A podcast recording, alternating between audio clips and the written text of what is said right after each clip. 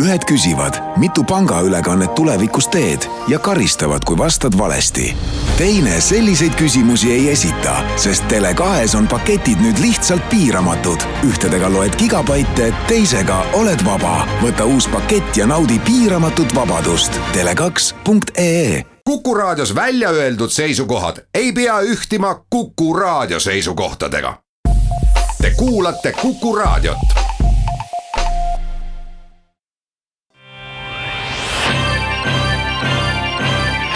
saade. kaksteist minutit on kell üle kolme, me jätkame saadet ja meil on hea meel stuudios tervitada riigi peaprokuröri Lavly Perlingut, tervist. tere. ja suur tänu tulemast. Lähem tund on siis vestlus teiega ja pärast kella poolt nelja on teretulnud head kuulajad küsima küsimusi Lavly Perlingult.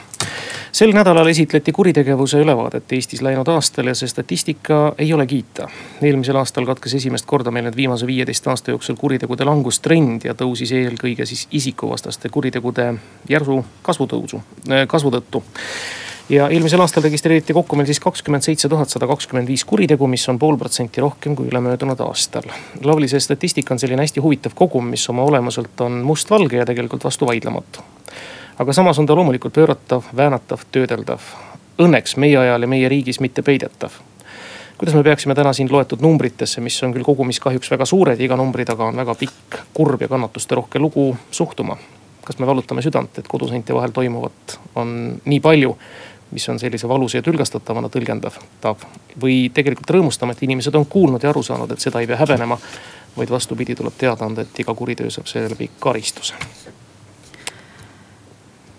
eks nendesse numbritesse tulebki suhtuda kui kõigepealt numbritesse ühelt poolt ja teiselt poolt muidugi on kurb, sest kuritegude läbi on inimesed haiget saanud. ja teiselt poolt vaadates on väga õige see märkus, tuleb vaadata, et milline osa registreeritud kuritegevusest on suurenenud. ja kui me näeme, et suureneb see osakaal, mis puudutab lähisuhtevägivalda, siis me saamegi jõuda sellele järeldusele, et jah, inimesed teatavad rohkem, järelikult inimesed usaldavad rohkem äh, riiki, õigussüsteemi. Nad julgevad oma muredega tulla.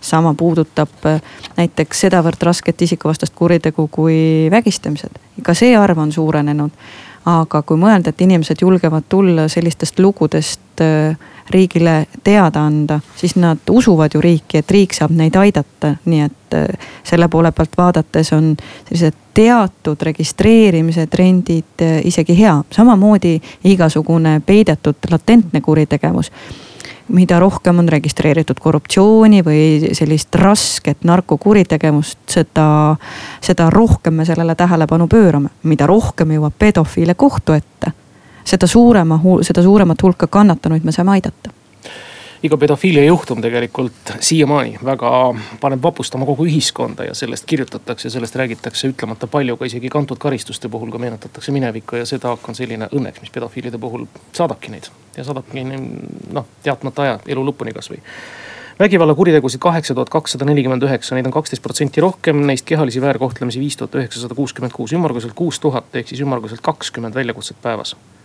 kakskümmend korda umbes me võime aimata, siis saab keegi kuskil peksa, reeglina on see keegi lähisuhtes olev inimene. Need on jah, need numbrid ja, ja kahjuks tuleb sinna juurde lisada see, et need on välja tulnud juhtumid, need on registreeritud juhtumid. ehk eh, mis päriselt, kui palju kodudes aset leiab, ei ole ju meile lõpuni teada. aga üks sõnum on selge. Nendest tuleb teada anda ja nii, äh, nii, ainult nii saab neid aidata. meie jaoks on oluline, et need asjad jõuaks kohtu ette, et need jõuaksid võimalikult kiiresti kohtu ette ja võimalikult kannatanu kannatanut säästval moel kohtu ette ja kannatanute all ma pean silmas nii neid öö, äh, otseseid öö, äh, reeglina naisi, kes haiget saavad, kui ka lapsi, kes seda pealt peavad nägema meil on õnneks olemas ja aina täiustumas erinevad tugisüsteemid kannatanutele, on need siis igasugused tugikeskused, sotsiaalprogrammid, millistest antakse meile ka õnneks iganädalaselt või vähemasti igakuiselt teada, et siin-seal kuskil kolmandas kohas on taas kord avatud samal ajal politseinikke on teatud piiratud hulk, prokuröre veel väiksem piiratud hulk. alati tekib see küsimus, kusmoodi ja kuidas jõuab üks prokurör kõigi nende kahekümne juhtumiga päevas sisuliselt tegeleda, sest et ta on uurimise juht ja ta peab teadma enam-vähem kõige selle kohta, mis toimub koostööd tuleb teha ja tuleb teha tööd läbimõeldult. et kui me vaatame veel ühte statistikapunkti, see on see, kui palju me anname ohvriabile kannatanutest teada, siis äh, kui võrrelda kaks tuhat seitseteist, kaks tuhat kaheksateist äh, numbreid, siis me oleme teada andnud enam kui tuhandest kannatanust rohkem miks see on oluline, see ongi oluline sellepärast, et üks on õigussüsteem, teine on sotsiaalsüsteem. ja riik tervikuna peab toimima nii, et inimene, kes on haiget saanud, ei saa üldse aru, kes äh, heas mõttes ei saa aru, kes temaga suhtleb. ja ega prokuröri asi on juhtida kohtueelset menetlust ja mõnes mõttes on prokuröri roll ka otsustada, et milliste tõenditega minna, et milline on see kõige efektiivsem viis minna. näiteks, et äh, ikkagi rohkem kasutada ära vormikaameraid, et see praktika juurduks. kõik see, mis mul on sündmuskohalt saadud äh, video pildile, võiks juba järgmisel hommikul, kui on kuriteo asjaolud selged, olla kohtuniku laual ettenäidatav ja prokuröril jääb üle vaid äh, küsida sellele teole vastavat karistust. ja, ja läbi selle kiire reageerimise me, me, me, me saadame ikkagi kõikidele nendele kannatanutele selle sõnumi, et esiteks vägivallaringist on võimalik välja astuda ja lastele selle sõnumi, et äh, vägivaldsus ei ole normaalsus no see on seesama lugu, mille kohta ütlevad politseinikud, et kõige kiiremini avastatav kuritegu on see nii-öelda kuumadel jälgedel kuritegu, ehk siis lähitundide küsimus on ta ükskõik mis laadi kuritegude puhul. sama lugu on ju lähisuhtevägivallaga, küll tahaks ka, et ruttu saaks noh, nii-öelda kuriteo toimepanija hästi ruttu karistatud ja ei tekiks kannatanul see pooleaastane, aastane ootamise aeg, mil kohtuotsus tuleb, kõik need uuesti üle elatud mälestused, kannatused ja nii edasi. me räägime nüüd äkki ühe nädalaga otsuseni jõudmisest, kuidas see käib lähisuhtevägivalla puhul? Ta käibki nii, et äh, oluline on kokku koguda mitte kõik tõendid maailmas, mis selle kuriteo kohta on, vaid oluline on kokku koguda piisav hulk tõendeid, et sellega kohtu ette minna. ja kui see piisav hulk on koos, siis kohe kohtu ette minna. ja me oleme jah seadnud endale sellist äh, kaks olulist eesmärki. esimene on see, et suureneks nende asjade hulk, kus me tõesti nädalaga jõuame kohtu ette ja jälle kahe aasta võrdlus näitab, et ta pisut on ka suurenenud, aga ma näen, et seal on veel tublisti arenguruumi, et sellele seda, seda kiirust lisada. teine oluline selline indikaator, mida me vaatame, on lähenemiskeeldude arv. jälle vaatame kahte aastat ja näeme, et lähenemiskeeldude hulk, mida me kohaldame, on kahekordistunud. kaks tuhat seitseteist oli ta kakskümmend kaks, eelmine aasta nelikümmend viis. see jälle tähendab seda, et me oleme poole rohkemal hulgal kannatanuid hoidnud eemal sellest vägivallatsejast. aga ka siin saab öelda, et saab veel rohkem, saab veel paremini, sellepärast et need registreeritud kuriteo hulgad on nii suured. et eh, seda arengut eh, tuleb lihtsalt edasi lükata jah, see lähenemiskeeldude arv on küll topelt kasvanud, aga kui kriminaalasju on tuhat kolmsada kakskümmend viis eelmisel aastal lahtisid ja lähenemiskeelde nelikümmend viis, see moodustab väga väikese protsendi just, eks sealt äh, ei ole õigustust äh, mitte mingit. aga eks äh, nii politseinikud kui prokurörid peavadki vaatama seda, et kuidas seda oma, oma piiratud ressurssi kõige õigemini ära kasutada ja ja, ja julgema rohkem ikkagi minna ja kohaldada seda lähenemiskeeldu. teiselt poolt ma ütlen, et mulle meeldib, et prokurörid ütlevad ka seda, et vahel ei ole vaja seda lähenemiskeeldu kohaldada selle eeluurimise keskel, sest me jõuamegi juba nii kiiresti kohtu, et me kohe kohtu lõpus. kohtu, kohtu otsusesse saame selle lähenemiskeelu sisse, et siis, siis ta juba siin ei kajastu. võib-olla on hoopis meetmed sellised, et me saame selle kannatanu muul moel sellest vägivallast eemale. ka siis ei ole vaja. kõige olulisem, olgu lähisuhtevägivald või, või hoopis mõni muu kuritegevuse liik, on see, et me igat selle teo toimepanijat kohtleks just sellisel moel, mis mõjutaks seda inimest rohkem kuritegusid mitte toime panema. Läheneks isiku indiviidi põhiselt. absoluutselt, kriminaalmenetluse lähenemine peab olema personaalne ja ma usun, et oma, oma sellise põhjamaise tarkuse, pragmaatilisuse juures me peaksime olema suutma seda rakendada ka kriminaalmenetlustes. Hästi põnev oleks teada saada, kuidas siis lähenetakse näiteks majanduskuritegude sooritajatele korruptsiooniinimestele, keda on siis korruptsiooni kuriteos kahtlustatamas või juba süüdi mõistetud. jõuamegi järgmiste nii-öelda kuriteoliikideni ja tahaks rääkida siis jah, nüüd on taas kord uudiskünnist ületanud uhked pildid sellest, kuidas üks härrasmees murtakse uhke maasturi seljast maha. see pilt on küll vist online'ist eemaldatud. ehk siis organiseeritud kuritegevus, mis on taas kord siis pilti tõusnud, mida politseinikud on lõhkunud et kas me saame rääkida sellest, et organiseeritud kuritegevus mingi hetkeni tõstis pead või oli ta nii varjatud oma teguviisilt, et alles nüüd sai siis rääkida avalikult kõigist töövõitudest? see on nüüd see pool kuritegevusest, kui see puudutab korruptsiooni, organiseeritud kuritegevust, sellist varjatud kuritegevust, aga ka majanduskuritegevust. siis selle kuritegevuse vastase võitluse puhul on hästi oluline silmas pidada, mis on need meetmed, millega me seda kuritegevust mõjutame. ja see on olnud meie viimaste aastate üks selline eesmärk et mitte see kriminaalmenetluste hulk, mitte see kvantiteet pole oluline, mida me kohtu ette saadame, vaid kvaliteet. ja sealt peab tulema see mõju, mida ma nüüd silmas pean, näiteks kohe peab paika panema, et mis on see analüüs, mis näiteks narkoturul toimub, millega hävitatakse kõige rohkem inimelusid, mis on need grupid, kes seda narkot äh, levitavad. ja kui me sihistame siis õigesti, tegeleme õigete gruppidega, tegelemine tähendab jah jälitamist, nende kinnipidamist, nende kohtu ette viimist, nende süüdimõistmist kohtu poolt. kui me oleme sihistanud õigesti, siis me anname ühiskonnale selle tulemuse, mida meilt oodatakse. näiteks narko puhul meil oligi suur ambitsioon panustada sellesse narkokuritegevuse vastase võitlusega, et väheneks üledoosist põhjustatud surmade hulk tulemus on see, et eelmisel aastal ära võetud fentanüüli kogus, mis oli väga suur ja järelikult olid ka õiged grupid, mis mõjutasid turgu. tulemus on see, et enam kui saja narkosurmade hulk äh, langes äh, nelikümmend pluss peale. see on tulemus. nüüd, mis puudutab organiseeritud kuritegevust, see on sama tuleb äh, sihistada õigeid gruppe, et ühelgi organiseeritud kuritegevuse liikmel ei tuleks pähe mõtet, et tal ongi mingisugune mõju siin riigis. Need on elustiili kurjategijad, kellele tuleb just nimelt nende meetmetega vastu hakata. ja muuhulgas näiteks varalise mõjutamise kaudu kuriteo läbi saadud vara tuleb ära võtta. räägimegi kriminaaltulust. selle saab ju konkreetselt kokku lüüa numbrites, kui uhked või kui rahul te olete selle numbriga, mis on eelmisel aastal saavutatud, aga mina ka seda täpselt ei tea. kui rahul, alati saab äh, veel rohkem äh, kuritegeliku tulu ära võtta kui me räägime eelmisest aastast, siis me saame öelda, et äh, viis miljonit eurot on see hulk, mille me oleme tagasi saanud nendelt äh, inimestelt, kes on kuriteo toime pannud. ja see raha on jõudnud tagasi, kas siis kannatanutele, kui meil on kannatanuga kuritegu või riigi tuludesse, kui meil ei ole kannatanut. ja sellest osa on jah, selline klassikaline õiguslik kriminaaltulu, mis on konfiskeeritud. et see on selline kahe miljoni ümber mis on minu jaoks väga positiivne olnud, on see, et me oleme aru saanud, et äh, oluline ei ole mitte see kriminaalmenetluse protsess kui selline, mille käigus me lõpuks jõuame selle raha äravõtmiseni. meie ülesanne on kaitsta kannatanut.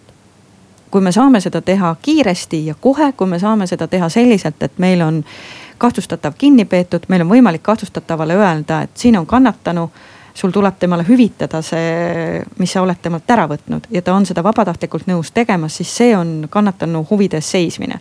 ja kui me vaatame numbreid, siis enam kui kahe miljoni ulatuses on ka kahtlustatavad äh, asunud kohe vabatahtlikult juba kriminaalmenetluse algetapis kahjusi hüvitama ja see on minu meelest hea tulemus ja see on neile kergendav asjaolu, see on neile motiveeriv asjaolu. absoluutselt, selle kohta on ka hea lugu eelmisest aastast äh, rääkida, kus äh, ka üks investeerimiskelmuse juhtum äh, sai äh, tublide politseinike, prokuröride koostöös ära menetletud neljakümne kaheksa tunniga sisuliselt. kus olid asjaolud selged ja seal sai ka öeldud kohe, et äh, kahtlustataval on õigus loomulikult hüvitada kiiresti kannatanule kakskümmend tuhat dollarit oli see esimene summa, mille ta oli kohe valmis hüvitama. ja kuna ta oli selle kohe valmis hüvitama, siis oli võimalik äh, ka kiiresti temaga jõuda majandusasjas kiire jõustunud kohtuotsuseni tänaseks, et. ehk majanduse puhul tuleb jälgida jällegi seda, et ühelt poolt oleks need äh, kannatanute huvid kaitstud, aga teiselt poolt on äh, oluline vaadata jällegi, et kuidas me neid majandusasju menetleme. ja sellest võiks muidugi terve omaette saate rääkida, aga ma saan lihtsalt kinnitada, et, et ma näen, et tulevad ka head tulemused, et, et on majandusasjad, olgu see neid tonne välja petnud nii-öelda viljakelmid, kellelt ju ka mitusada tuhat konfiskeeriti ja, või, või on need sellised viimase aja soodustuskelmused, mis on süüdi mõistetud ja kust on kriminaaltulu tagasi saadud. kus on samamoodi ju, ju mõeldud need menetlused sellise ausa menetluse kaitseks, sellepärast et kui keegi saab pettusega selle konkurentsieelise ja petab välja miljoni siis kipub olema nii, et ega ta seda miljonit ausasse majandusse ei pane tagasi aga kõige rohkem ta ju kahjustabki sellega neid oma konkurente, kes püüavad ausate reeglitega äri ajada. ja siin tulebki mängu riigi kohustus, et riigi kohustus on sekkuda, võtta see kriminaaltulu ära ja teha kõik endast olenev, et see raha jõuaks ikkagi tagasi ausasse majandusse paar kiirküsimust, kui te lubate.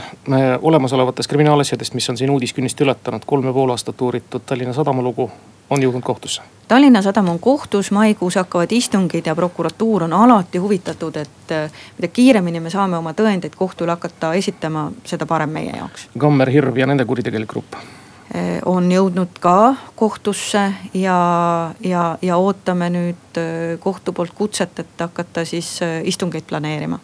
ja kas on jätku saamas ja kas me saame kogu tõe teada nii-öelda Savisaare protsessist ilma Savisaareta?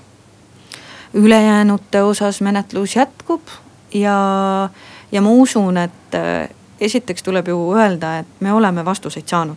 sellest asjast on saanud kümned inimesed äh, lõpetamise oportuniteediga, mis puudutas ebaseaduslikke reklaamijuhtumeid. ja oportuniteet tähendab seda, et nende inimeste puhul on tuvastatud nende poolt kuriteo toimepanemine. Velju Reiljan on süüdi mõistetud selles, et ta on vahendanud äh, altkäemaksu nii et eh, need otsused on meil juba olemas, nüüd tuleb edasi minna eh, ilma Savisaareta, aga, aga usun, et eh, vastuseid tuleb muudkui juurde. saade. kolmkümmend neli minutit on kell üle kolme, meil on stuudios riigi peaprokurör Lavly Perling ja me räägime kuritegevusest ja prokuratuuri tööst peaasjalikult ja samal samadel teemadel on oodatud ka heade kuulajate küsimused. Telefon kuus, kaks, üks, neli, kuus, neli, kuus ja piirdugem küsimustega, tervist. tere päevast. mina oleks huvitatud, et proua külaline, kas ta oskab selgitada, telekas näitas siin seda mõrtsukat, kes ühe naise ära tappis. tal oli mingi kasukas ja mingid karvased peapaelad ja kas see et mõni mõnitab seal rahva, see on ju rahva, rahvakohtu ja ja omaste mõnitamine, kuidas on võimalik, et ta sihukese riideid kätte saab, kui ta on eeluurimisel, ta peaks ju kas olema siis vangiriietes või vähemalt viisakama välimusega, et mitte irvitada ja mõnitada omakseid ja lähedasi ja. Te peate vist proua täpsustama, millisest mõrtsukast te räägite, millal televiisoris näidati ja kellest käib jutt? näitas Kanal kahes, kes tappis ära eriti jõhkral moel selle Kadri Krossi kes piina, eriti piinal filmis neid oma, oma neid piinamisi ja. ei, küsimus on arusaadav sellega vist on see lugu, et eeluurimisel ei pea kandma vangiriideid minu teada ja vahi all olles võid kasutada siis nii-öelda oma isiklikke riideid, tsiviilriideid. ja, ja eks see on alati kohtu otsustada, millise, millise, millise riietusega või keda ta kuhu lubab, aga, aga kindlasti me arvestame alati sellega, et käitumine oleks alati väärikas kõikide lähedaste suhtes, kes kohtusaalis on. aga me kuulame järgmist helistajat, tervist. tervist äh,, Ameerika päritolu ärimees Bill Browder väitis Kuu-uurijale, et ta pöördus esimest korda Danske rahapesu asjas meie riigiprokuratuuri juba kahe tuhande kaheteistkümnendal aastal. ta väidetavalt tegi seda korduvalt ja väidetavalt siis iga kord talle öeldi ka ära.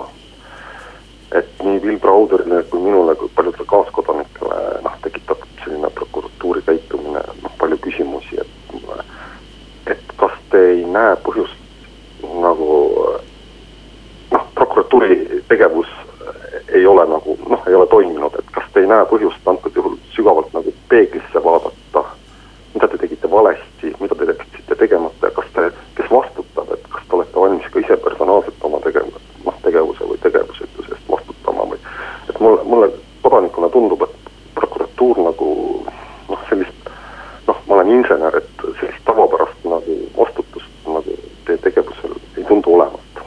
see on väga paha juhtum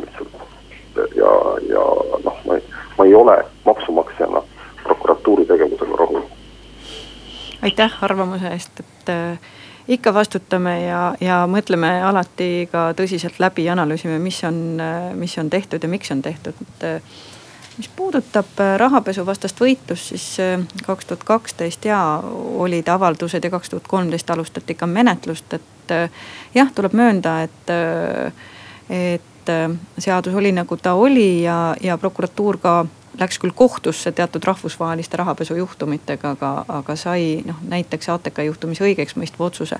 mis oli samas positiivne, oli see, et selle, selle tulemusel käivitati protsessid, millega muudeti seadust. ja kaks tuhat kaheksateist esimesest jaanuarist alates on juba selline seadus, mis annab prokuröridele märksa paremad tööriistad võitluseks selle rahapesuga nii et äh, ikka tuleb, tuleb edasi tegeleda ja mis puudutab äh, Danske juhtumit, siis tuleb ju öelda, et enne kui William Browder eelmisel aastal avaldusega jõudis meie juurde, olime me peaaegu aasta juba ise menetlenud ja jälitanud, nii et äh, prokuratuur ja keskkriminaalpolitsei on, on juba noh, täna saab öelda, et kaks aastat olukorral silma peal hoidnud ja küllap me jõuame ühel päeval ka selle juhtumiga kohtu ette ja saame veel paremaid vastuseid anda.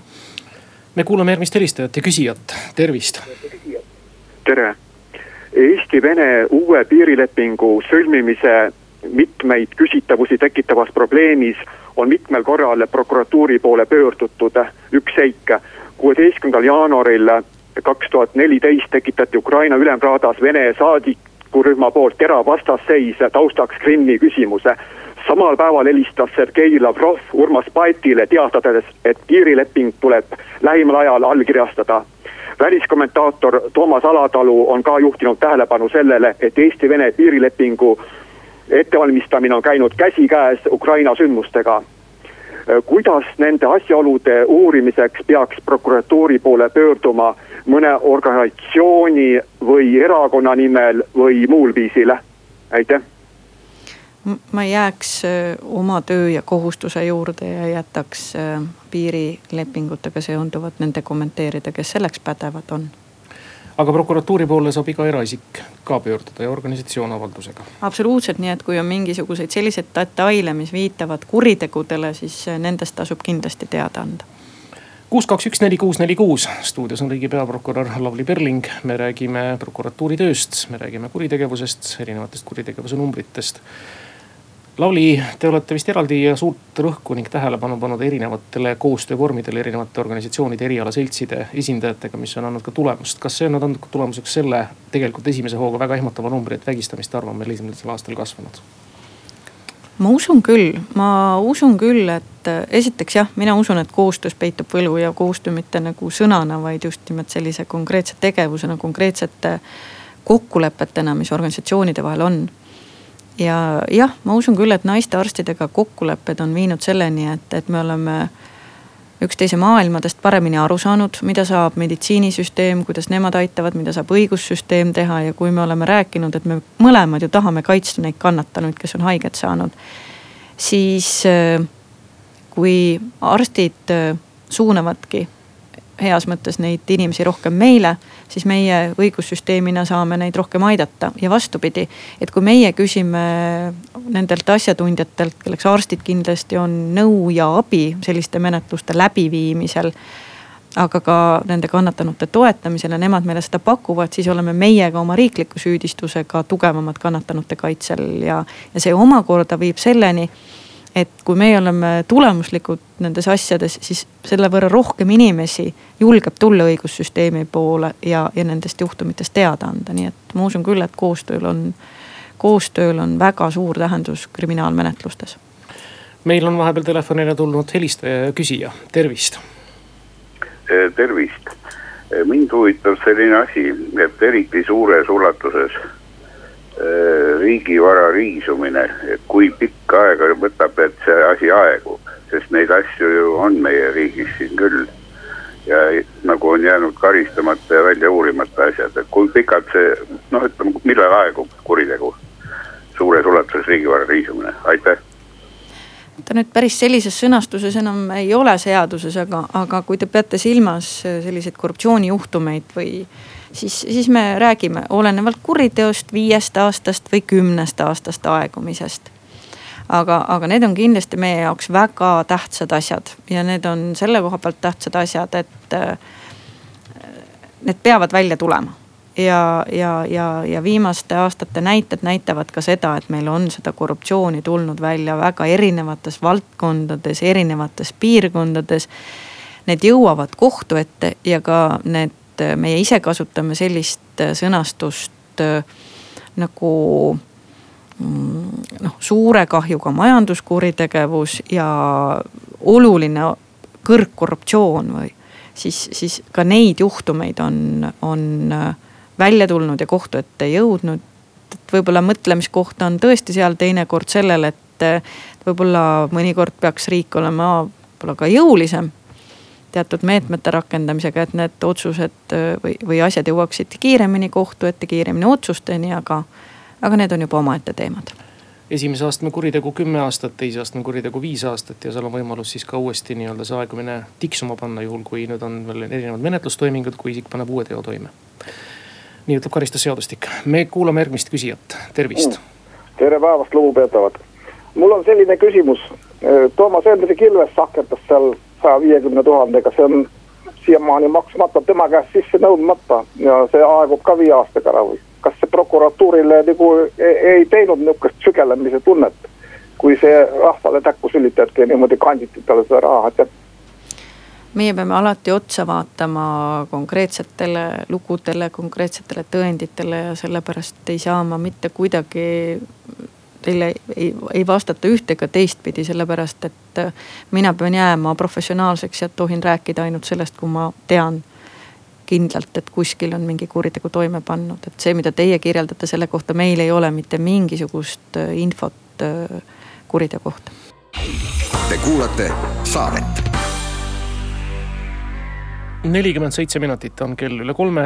Kuku raadio stuudios ja saates on külaliseks Lavly Perling, riigi peaprokurör ja telefonil on oodatud küsimused heale külalisele. kuus, kaks, üks, neli, kuus, neli, kuus on meie telefoninumber ja see on juba helisenud, tervist. jah, tere jõudu et äh, mina, kes ma olen vist üks äh, Eesti Vabariigi, kui mitte Põhja-Euroopa apoliitilisemaid tegelasi, küsiksin austatud äh, daami käest järgmise küsimuse. et miks mitte ainult ei, ei näi, et, et, et just poliitilistes küsimustes on prokuratuur kallutatud, vaid on karjuvalt kallutatud teatud, teatud noh, mina nimetan neid muidugi grupeeringute, grupeeringuteks, grupeeringute suhtes. eriti võistis silma muidugi tohutu ressursi ja aja ja ma ei tea, mille kõik raiskamise ka kodanik Saabisaare suhtes. Äkki paari, paari sõnaga selgitate lihtsatele inimestele, keda kindlasti on peale minu veel palju, et, et, et miks see niimoodi on. ja kui räägitakse erapooletusest, siis andke andeks Äh, selle jutuga võite kuu peale sõita, kogu lugupidame ju seejuures teile, aitäh kuu peale ma ei sõida, aga, aga seda ütlen küll, et prokuratuur on äh, aus, sõltumatu organisatsioon. Ja ma arvan, et äh, tuhanded inimesed, keda me kogu aeg aitame, saavad seda kinnitada.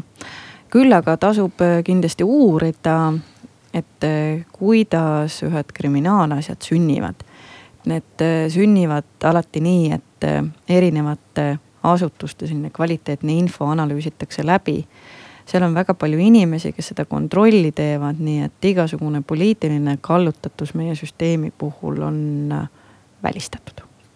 aga süüdistusi tuleb igal ajal sel teemal oo oh jaa, selles mõttes, et sõltumata sellest, milliseid juhtumeid me teeme, et me teame, et ma arvan, et neid süüdistusi, kelle poole me kallutatud äh, oleme, on olenevalt asjast, ma arvan, siin kõik Eesti poliitmaastikul esindatud parteid on esindatud ka selles mõttes, kelle poole me parasjagu kaldu oleme.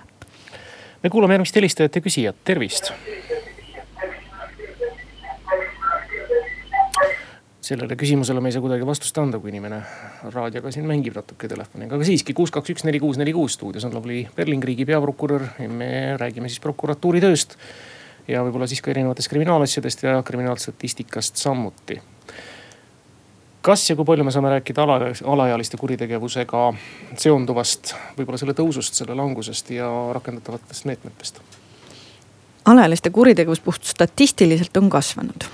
aga selle põhjused võivad olla erinevad, ühelt poolt see, et on olnud aasta, kus paljud grupid on sattunud õiguskaitsesüsteemi silme alla.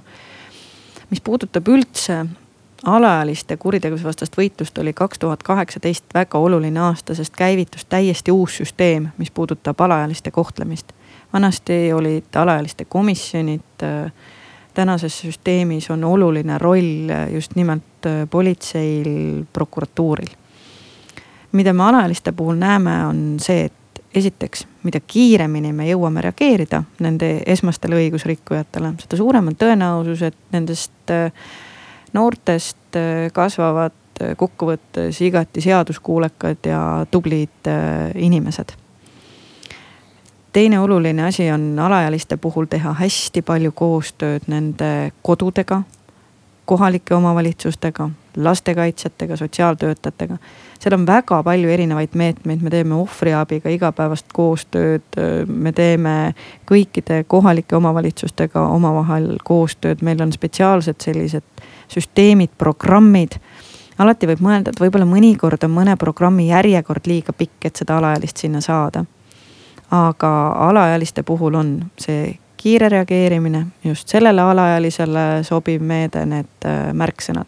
Aga alaealiste kuritegevuse vastane võitlus algab äh, väga sageli oluliselt varem. see algab sellest hetkest, äh, kui nad mõnikord ise on kannatanud. see on seesama, mida nad näevad oma kodudes, mida nad näevad enda ümber. mida nad näevad ja tajuvad siis, kui neid äh, mitte kellegi jaoks vaja ei ole. kui mitte keegi neid ei märka. siis need on kurvad lood, need on kurvad lood ja, ja ma usun, et kui üks äh, laps paneb kuriteo toime, siis on täiskasvanute maailm ebaõnnestunud. mis ei tähenda mitte kaugeltki seda, et ma kuidagi õigustaks alalaiste poolt kuritegude toimepanemist või vägivalda, ei. aga lihtsalt meetmed sellega võitlemiseks peavad olema äh, õiged. meil on helistaja liinil, tervist. tere, mul on selline küsimus kui ma olen seda kunagi Kuku raadios ennem küsinud, aga kuna nüüd on prokurör, nüüd on hea küsida. kui on selline asi, et mina olen kohtus tunnistaja ja kohtus ei ole linti, kuhu rääkida. ja kohtunik ütleb sulle, nüüd rääkige, ärge rääkige, rääkige, ärge rääkige, istu kohale, mis te säutsute. mis te arvate sellist kohtunikust?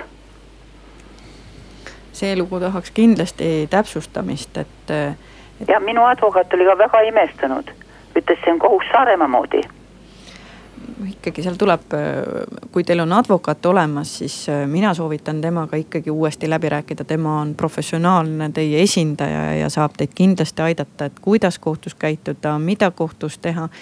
ja, ja kui te tõesti tajute, et midagi on seal selline, mida ei tohiks olla ja ka advokaat tajub seda, siis ma usun, et advokaat kindlasti teab, kuidas ja kuhu sellest teada anda kuus, kaks, üks, neli, kuus, neli, kuus, eelmine proua võis viidata sellele, et kohtus siis jah stenografeeriti vist ja võib-olla siis ei jõudnud kohtusekretär nii-öelda järgi selle kirjutamisega, aga no eks on loomulikult jah, selline lugu. mida peab iga, iga kohtuistungi puhul eraldi silmas pidama, tänapäeval vist on juba need lindistamise võimalused pea kõikjal olemas. ja no kuna seal ei olegi päris, me ei tea, kas on lugu tsiviilasjaga või kriminaalasjaga, siis seda ma saan jah kinnitada, et kriminaalasjade puhul ütleme kõik sellised üldmenetlused äh, tänases, tänastes kohtusaalides ikkagi juba salvestatakse? Üldmenetlustest kõneldes, siis äh, mingi aeg tundus, et hakkasid asjad uppuma ja minema hästi palju lühimenetluse teed või isegi kokkuleppemenetluse teed, mis tegelikult andis väga raskete kuritegude puhul tulemuseks väga noh, ebaõiglaselt tundus vähemalt rahva õiglusmeelt riivavad lühikesed karistused kuidas tänasel päeval on justiitsministeerium on küll suunanud ja öelnud, et tegelikult selliste raskete kuritegude puhul ei tohiks ikkagi lühimenetlust rakendada, kus noh, ühtepidi saame aru, et säästa kannatanut, aga teisipidi, kus siis rahva õigustundele vastav karistus ka määratakse, ei võetaks sealt kolmandikku maha. Eesti kriminaalmenetluse struktuur on üldiselt selline, et kui me räägime kakskümmend seitse pluss tuhat kuritegu, siis eelmine aasta võttis prokuratuur vastu lõpliku menetlusotsuse, see tähendab, et me ütlesime, et need on need inimesed, kes on kuriteo toime pannud kümne tuhande ühesaja neljateistkümne inimese suhtes. ja see kriminaalmenetluse struktuur on selline, et enamus kriminaalasju ehk sisuliselt üheksakümmend protsenti kriminaalasju lahendatakse erinevate lihtmenetluste kaudu. ja see loogika on see, et, et kõik, mida on võimalik lahendada niimoodi, et see õigusrahu inimeste vahel saabub kiiresti ja, ja ilma seda pikka kohtupidamist pidamata, see ka nii tehakse. on need siis oportuniteedid, on need kokkuleppemenetlused, kus lepitakse kokku. on need äh, lühimenetlused, jah, lühimenetlus on see, kus saadetakse kohtule üks kolmandik karistus kaotatakse. kõiki neid menetlusi kokku on umbes üheksakümmend protsenti alati ja läbi aastate üldmenetlusse jõuab äh, noh, niimoodi üheksa kuni kaksteist protsenti, noh ümmarguselt kümme protsenti kõikidest menetlustest. ja need on nüüd need äh, lood, kus advokatuur, prokuratuur on täiesti erinevatel seisukohtadel ja ei ole valmis kompromissiga asja lahendama seega siit muideks üks müüt, et kõiki inimesed Eestis ei mõisteta süüdi, nii et kui manipuleeritakse numbriga üheksakümmend kaheksa protsenti süüdimõistmise, siis on see manipuleerimine, sellepärast et selle taustal peab teadma, kuidas Eesti kriminaalmenetlus on üles ehitatud. lihtsalt üheksakümnel protsendil juhtudes advokaat näebki, et tõendid on olemas, kuritegu on toime pannud, et siin ei ole vaja üldmenetlusse minna. nüüd küsimus karistuste puhul. me oleme järjest rohkem tähelepanu pööranud sellele, et karistused näiteks korduvkurjategijate puhul või tõesti väga raskete kuritegude puhul. just nimelt eh, nad peavad ka olema mõjusad. ma ei tahaks öelda, et nad peavad, eh, juristina on mul väga raske öelda, et nad peavad rahvatunde, õiglustundega kooskõlas olema, sest ma pean juristina vaatama seadust aga, aga ega ka õigusrahu ei ole ju midagi muud kui selline tajutav rahu ühiskonna ja inimeste vahel nii et äh, väga konkreetne vastus on see, et jah, me jälgime karistusi. ja veel enam, et ka kaks tuhat üheksateist, kui me oma plaane seadsime, siis ka meie järelevalveosakond ehk meie nii-öelda sisekontroll on ühe tööülesandena võtnud äh, analüüsida karistused korduvvägivallakuritegude puhul sest loogika peab olema selline, et karistus äh, siiski läheb äh, järjest karmimaks, kui inimene ühest, noh veel enam kahest korrast aru ei saa, et kuritegusid ei tohi toime panna aeg on läinud nii ruttu, et kaks ja pool minutit on jäänud kella neljani, see tähendab seda, et saatetund hakkab läbi saama. väga tänan teid, Lavly Perling stuudiosse tulemast, riigi peaprokurör, seda aega leidmast, eelmist aastat lahti võtmast ja prokuratuuri tööd ja põhimõtteid selgitamast. soovime teile edu, jõudu teile ja teie kolleegidele. aitäh